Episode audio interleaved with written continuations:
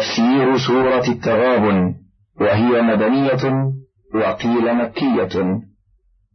الصفحة الثالثة والسبعون والثلاثمائة. قال الطبراني حدثني محمد بن هارون بن محمد بن بكار الدمشقي. حدثنا العباس بن الوليد الخلال. حدثنا الوليد بن الوليد. حدثنا ابن ثوبان عن عطاء ابن أبي رباح عن عبد الله بن عمر رضي الله عنه قال قال رسول الله صلى الله عليه وسلم ما من مولود يولد إلا مكتوب في تشبيك رأسه خمس آيات من سورة التغابن. أورده ابن عساكر في ترجمة الوليد بن صالح وهو غريب جدا بل منكر. بسم الله الرحمن الرحيم. يسبح لله ما في السماوات وما في الأرض له الملك وله الحمد. له الملك وله الحمد وهو على كل شيء قدير. هو الذي خلقكم فمنكم كافر ومنكم مؤمن. والله بما تعملون بصير. خلق السماوات والأرض بالحق وصوركم فأحسن صوركم وإليه المصير. يعلم ما في السماوات والأرض ويعلم ما تسرون وما تعلنون والله عليم بذات الصدور. هذه السورة هي آخر المسبحات. وقد تقدم الكلام على تسبيح المخلوقات لبارئها ومالكها. ولهذا قال تعالى له الملك وله الحمد. أي هو المتصرف في جميع الكائنات. المحمود على جميع ما يخلقه ويقدره وقوله تعالى وهو على كل شيء قدير أي مهما أراد كان بلا ممانع ولا مدافع وما لم يشأ لم يكن. وقوله تعالى هو الذي خلقكم فمنكم كافر ومنكم مؤمن أي هو الخالق لكم على هذه الصفة وأراد منكم ذلك فلا بد من وجود مؤمن وكافر وهو البصير بمن يستحق الهداية ممن يستحق الضلال وهو شهيد على أعمال عباده وسيجزيهم بها أتم الجزاء. ولهذا قال تعالى والله بما تعملون بصير ثم قال تعالى خلق السماوات والأرض بالحق أي بالعدل والحكمة وصوركم فأحسن صوركم أي أحسن أشكالكم كقوله تعالى يا أيها الإنسان ما غرك بربك الكريم الذي خلقك فسواك فعدلك. في أي صورة ما شاء ركبك. وكقوله تعالى الله الذي جعل لكم الأرض قرارا والسماء بناء وصوركم فأحسن صوركم ورزقكم من الطيبات. الآية. وقوله تعالى وإليه المصير أي المرجع والمآب. ثم أخبر تعالى عن علمه بجميع الكائنات السمائية والأرضية والنفسية. فقال تعالى يعلم ما في السماوات والأرض ويعلم ما تسرون وما تعلنون والله عليم بذات الصدور. ألم يأتكم نبأ الذين كفروا من قبل فذاقوا وبال أمرهم ولهم عذاب أليم. ذلك بأنه كانت تأتيهم رسلهم بالبينات فقالوا فقالوا أبشر يهدوننا فكفروا وتولوا فكفروا وتولوا واستغنى الله والله غني حميد يقول تعالى مخبرا عن الأمم الماضين وما حل بهم من العذاب والنكال في مخالفة الرسل والتكذيب بالحق. فقال تعالى ألم يأتكم نبأ الذين كفروا من قبل؟ أي خبرهم وما كان من أمرهم. فذاقوا وبال أمرهم أي وخيم تكذيبهم ورديء أفعالهم وهو ما حل بهم في الدنيا من العقوبة والخزي. ولهم عذاب أليم أي في الدار الآخرة مضاف إلى هذا الدنيوي. ثم علل ذلك فقال ذلك بأنه كانت تأتيهم رسلهم بالبينات. أي بالحجج والدلائل والبراهين. فقالوا أبشر يهدوننا؟ أي استبعدوا أن تكون الرسالة في البشر وأن يكون هداهم على يدي بشر مثلهم؟ فكفروا وتولوا أي كذبوا بالحق ونكلوا عن العمل واستغنى الله أي عنهم والله غني حميد. زعم الذين كفروا أن لن يبعثوا قل بلى وربي لتبعثن ثم لتنبؤن بما عملتم وذلك على الله يسير فآمنوا بالله ورسوله والنور الذي أنزلنا والله بما تعملون خبير يوم يجمعكم ليوم الجمع ذلك يوم التغاب ومن يؤمن بالله ويعمل صالحا يكفر يكفر عنه سيئاته ويدخله جنات تجري تجري من تحتها الأنهار خالدين فيها أبدا. ذلك الفوز العظيم. والذين كفروا وكذبوا بآياتنا أولئك أولئك أصحاب النار خالدين فيها. خالدين فيها وبئس المصير. يقول تعالى مخبرا عن الكفار والمشركين والملحدين أنهم يزعمون أنهم لا يبعثون. قل بلى وربي لتبعثن ثم لتنبؤن بما عملتم. أي لتخبرن بجميع أعمالكم دليلها وحقيرها صغيرها وكبيرها. وذلك على الله يسير. أي بعثكم ومجازاتكم. وهذه هي الآية الثالثة التي أمر الله رسوله صلى الله عليه وسلم أن يقسم بربه عز وجل على وقوع المعاد ووجوده. فالأولى في سورة يونس ويستنبئونك أحق هو قل إي وربي إنه لحق وما أنتم بمعجزين. والثانية في سورة سبأ وقال الذين كفروا لا تأتين الساعة. قل بلى وربي لتأتينكم الآية. والثالثة هي هذه. زعم الذين كفروا أن لن يبعثوا. قل بلى وربي لتبعثن. ثم لتنبؤن بما عملتم. وذلك على الله يسير. ثم قال تعالى فآمنوا بالله ورسوله والنور الذي أنزلنا يعني القرآن والله بما تعملون خبير. أي فلا تخفى عليه من أعمالكم خافية. وقوله تعالى يوم يجمعكم ليوم الجمع وهو يوم القيامة. سمي بذلك لأنه يجمع فيه الأولون والآخرون في صعيد واحد.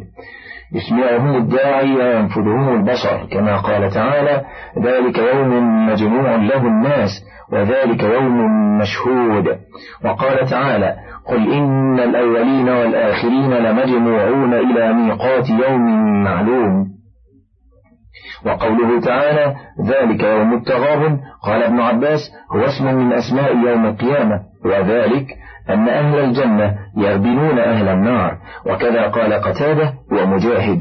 وقال مقاتل بن حيان لا غبن أعظم من أن يدخل هؤلاء إلى الجنة ويذهب بأولئك إلى النار.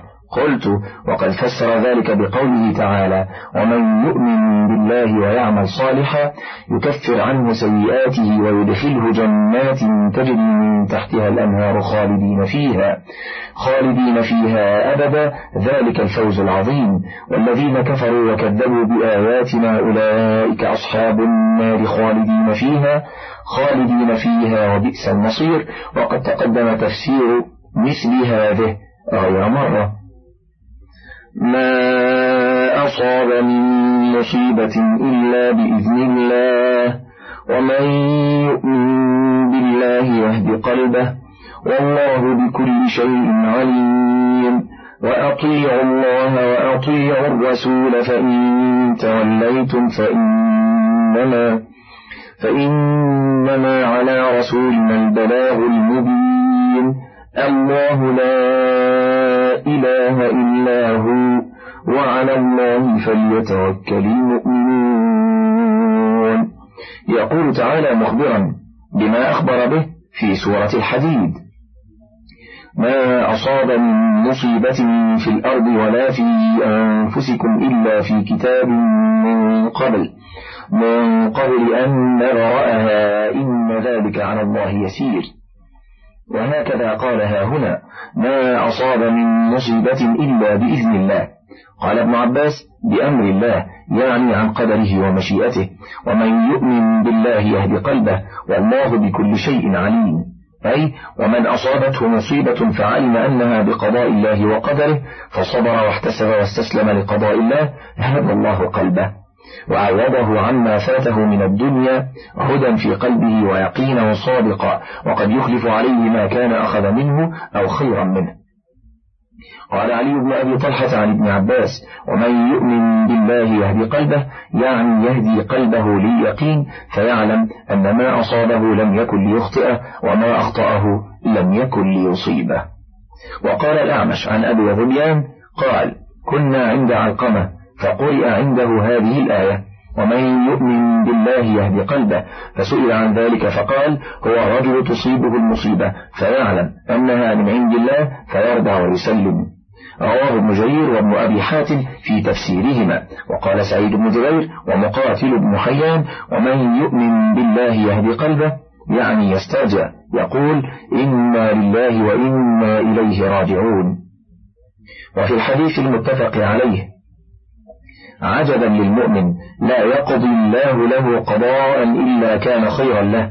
إن أصابته ضراء صبر فكان خيرا له وإن أصابته سراء شكر فكان خيرا له وليس ذلك لأحد إلا للمؤمن.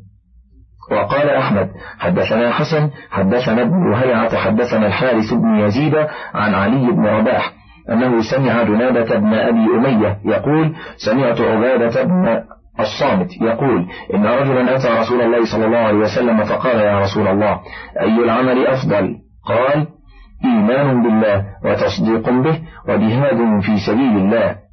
قال أريد أهون من هذا يا رسول الله. قال لا تتهم الله في شيء قضى لك به. لم يخرجوه. وقوله تعالى وأطيعوا الله وأطيعوا الرسول. أمر بطاعة الله ورسوله فيما شرع وفعل. ما به أمر وترك ما عنه نهى وزجر. هو أمر بطاعة الله ورسوله فيما شرع وفعل ما به أمر وترك ما عنه نهى وزجر. ثم قال تعالى فإن توليتم فإنما على رسولنا البلاغ المبين أي إن نكلتم عن العمل فإنما عليه ما حمل من البلاغ وعليكم ما حملتم من السمع والطاعة قال الزهري من الله الرسالة وعلى الرسول البلاغ وعلينا التسليم. ثم قال تعالى مخبرا أنه الأحد الصمد الذي لا إله غيره. فقال تعالى الله لا إله إلا هو وعلى الله فليتوكل المؤمنون. فالأول خبر عن التوحيد ومعناه معنى الطلب. أي وحدوا الإلهية له وأخلصوها لديه وتوكلوا عليه. كما قال تعالى رب المشرق والمغرب لا إله إلا هو فاتخذه وكيلا. يا أيها الذين آمنوا إن من أزواجكم وأولادكم عدوا لكم فاحذروهم وإن تعفوا وتصفحوا وتغفروا فإن الله غفور رحيم. إنما أموالكم وأولادكم فتنة والله عنده أجر عظيم. فاتقوا الله ما استطعتم واسمعوا وأطيعوا وأنفقوا خيرا لأنفسكم. ومن يوق شح نفسه فأولئك هم المفلحون. إن تقرضوا الله قرضا حسنا يضاعفه لكم يضاعفه لكم ويغفر لكم والله شكور حليم. عالم الغيب والشهادة العزيز الحكيم. يقول تعالى مخبرا عن الأزواج والأولاد أن منهم من هو عدو الزوج والوالد بمعنى أنه يلتهي به عن العمل الصالح كقوله تعالى يا أيها الذين آمنوا لا تلهكم أموالكم ولا أولادكم عن ذكر الله ومن يفعل ذلك فأولئك هم الخاسرون. ولهذا قال تعالى ها هنا فاحذروهم. قال ابن زيد يعني على دينكم. وقال مجاهد إن من أزواجكم وأولادكم عدوا لكم. قال يحمل الرجل على قطيعة الرحم أو معصية ربه فلا يستطيع الرجل مع حبه إلا أن يطيعه. وقال ابن أبي حاتم حدثنا أبي حدثنا محمد بن خلف الصيدلاني. حدثنا الفريابي حدثنا إسرائيل حدثنا سماك بن حرب عن أكرمة عن ابن عباس وسأله رجل عن هذه الآية يا من أزواجكم وأولادكم عدوا لكم فاحذروهم. قال فهؤلاء رجال أسلموا من مكة فأرادوا أن يأتوا رسول الله صلى الله عليه وسلم فأبى أزواجهم وأولادهم أن يدعوهم. فلما أتوا رسول الله صلى الله عليه وسلم رأوا الناس قد فقهوا في الدين فهموا أن يعاقبوهم. فأنزل الله تعالى هذه الآية وإن تعفوا وتصفحوا وتغفروا فإن الله غفور رحيم. وكذا رواه الترمذي عن محمد بن يحيى عن الفريابي وهو محمد بن يوسف به وقال حسن صحيح ورواه ابن جرير الطبراني من حديث إسرائيل به وروي من طريق الوفي عن ابن عباس نحوه وهكذا قال أكرمة مولاه سواء وقوله تعالى إنما أموالكم وأولادكم فتنة والله عنده أجر عظيم. يقول تعالى إنما الأموال والأولاد فتنة. أي اختبار وابتلاء من الله تعالى لخلقه ليعلم من يطيعه ممن يعصيه. وقوله تعالى والله عنده أي يوم القيامة أجر عظيم. كما قال تعالى زين للناس حب الشهوات من النساء والبنين والقناطير المقنطرة من الذهب والفضة والخيل المسومة والأنعام والحرث ذلك متاع الحياة الدنيا والله عنده حسن المآب. والتي بعدها وقال الإمام أحمد. حدثنا زيد بن الحبان حدثني حسين بن واقد حدثني عبد الله بن بريدة. سمعت أبا بريدة يقول كان رسول الله صلى الله عليه وسلم يخطب فجاء الحسن والحسين رضي الله عنهما عليهما قميصان أحمران يمشيان ويعصران فنزل رسول الله صلى الله عليه وسلم من المنبر فحملهما فوضعهما بين يديه ثم قال صدق الله ورسوله. إنما أموالكم وأولادكم فتنة. نظرت إلى هذين الصبيين يمشيان ويعصران فلم أصبر حتى قطعت حديثي ورفعتهما. ورواه أهل السنن من حديث حسين بن واقد به. وقال الترمذي حسن غريب. إنما نعرفه من حديثه. وقال الإمام أحمد حدثنا شريح بن النعمان. حدثنا هشيم أخبرنا مجالد عن الشعبي. حدثنا الأشعث بن قيس. قال قدمت على رسول الله صلى الله عليه وسلم في وفد كندة فقال لي هل لك من ولد؟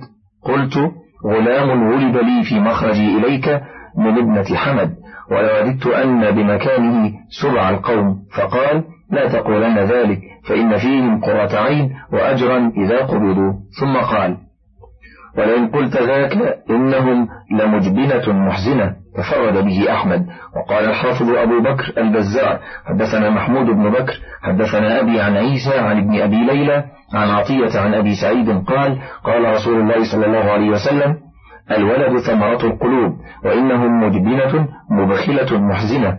ثم قال لا نعرفه إلا بهذا الإسناد. وقال الطبراني حدثنا هاشم بن مرصد حدثنا محمد بن إسماعيل بن عياش حدثني أبي حدثني ضمضم بن زرعة عن شريح بن عبيد عن أبي مالك الأشعري أن رسول الله صلى الله عليه وسلم قال ليس عدوك الذي إن قتلته كان فوزا لك وإن قتلك دخلت الجنة ولكن الذي لعله عدو لك ولدك الذي خرج من صلبك ثم أعدى عدو لك مالك الذي ملكت يمينك.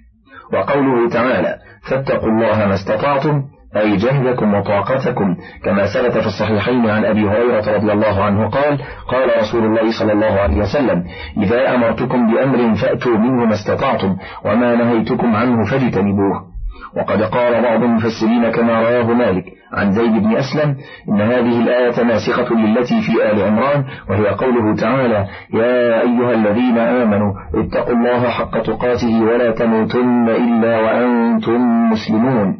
قال ابن أبي حاتم حدثنا أبو زرعة حدثنا يحيى بن عبد الله بن بكير حدثني ابن لهيعة حدثني عطاء وابن دينار عن سعيد بن جبير في قوله اتقوا الله حق تقاته ولا تموتن إلا وأنتم مسلمون.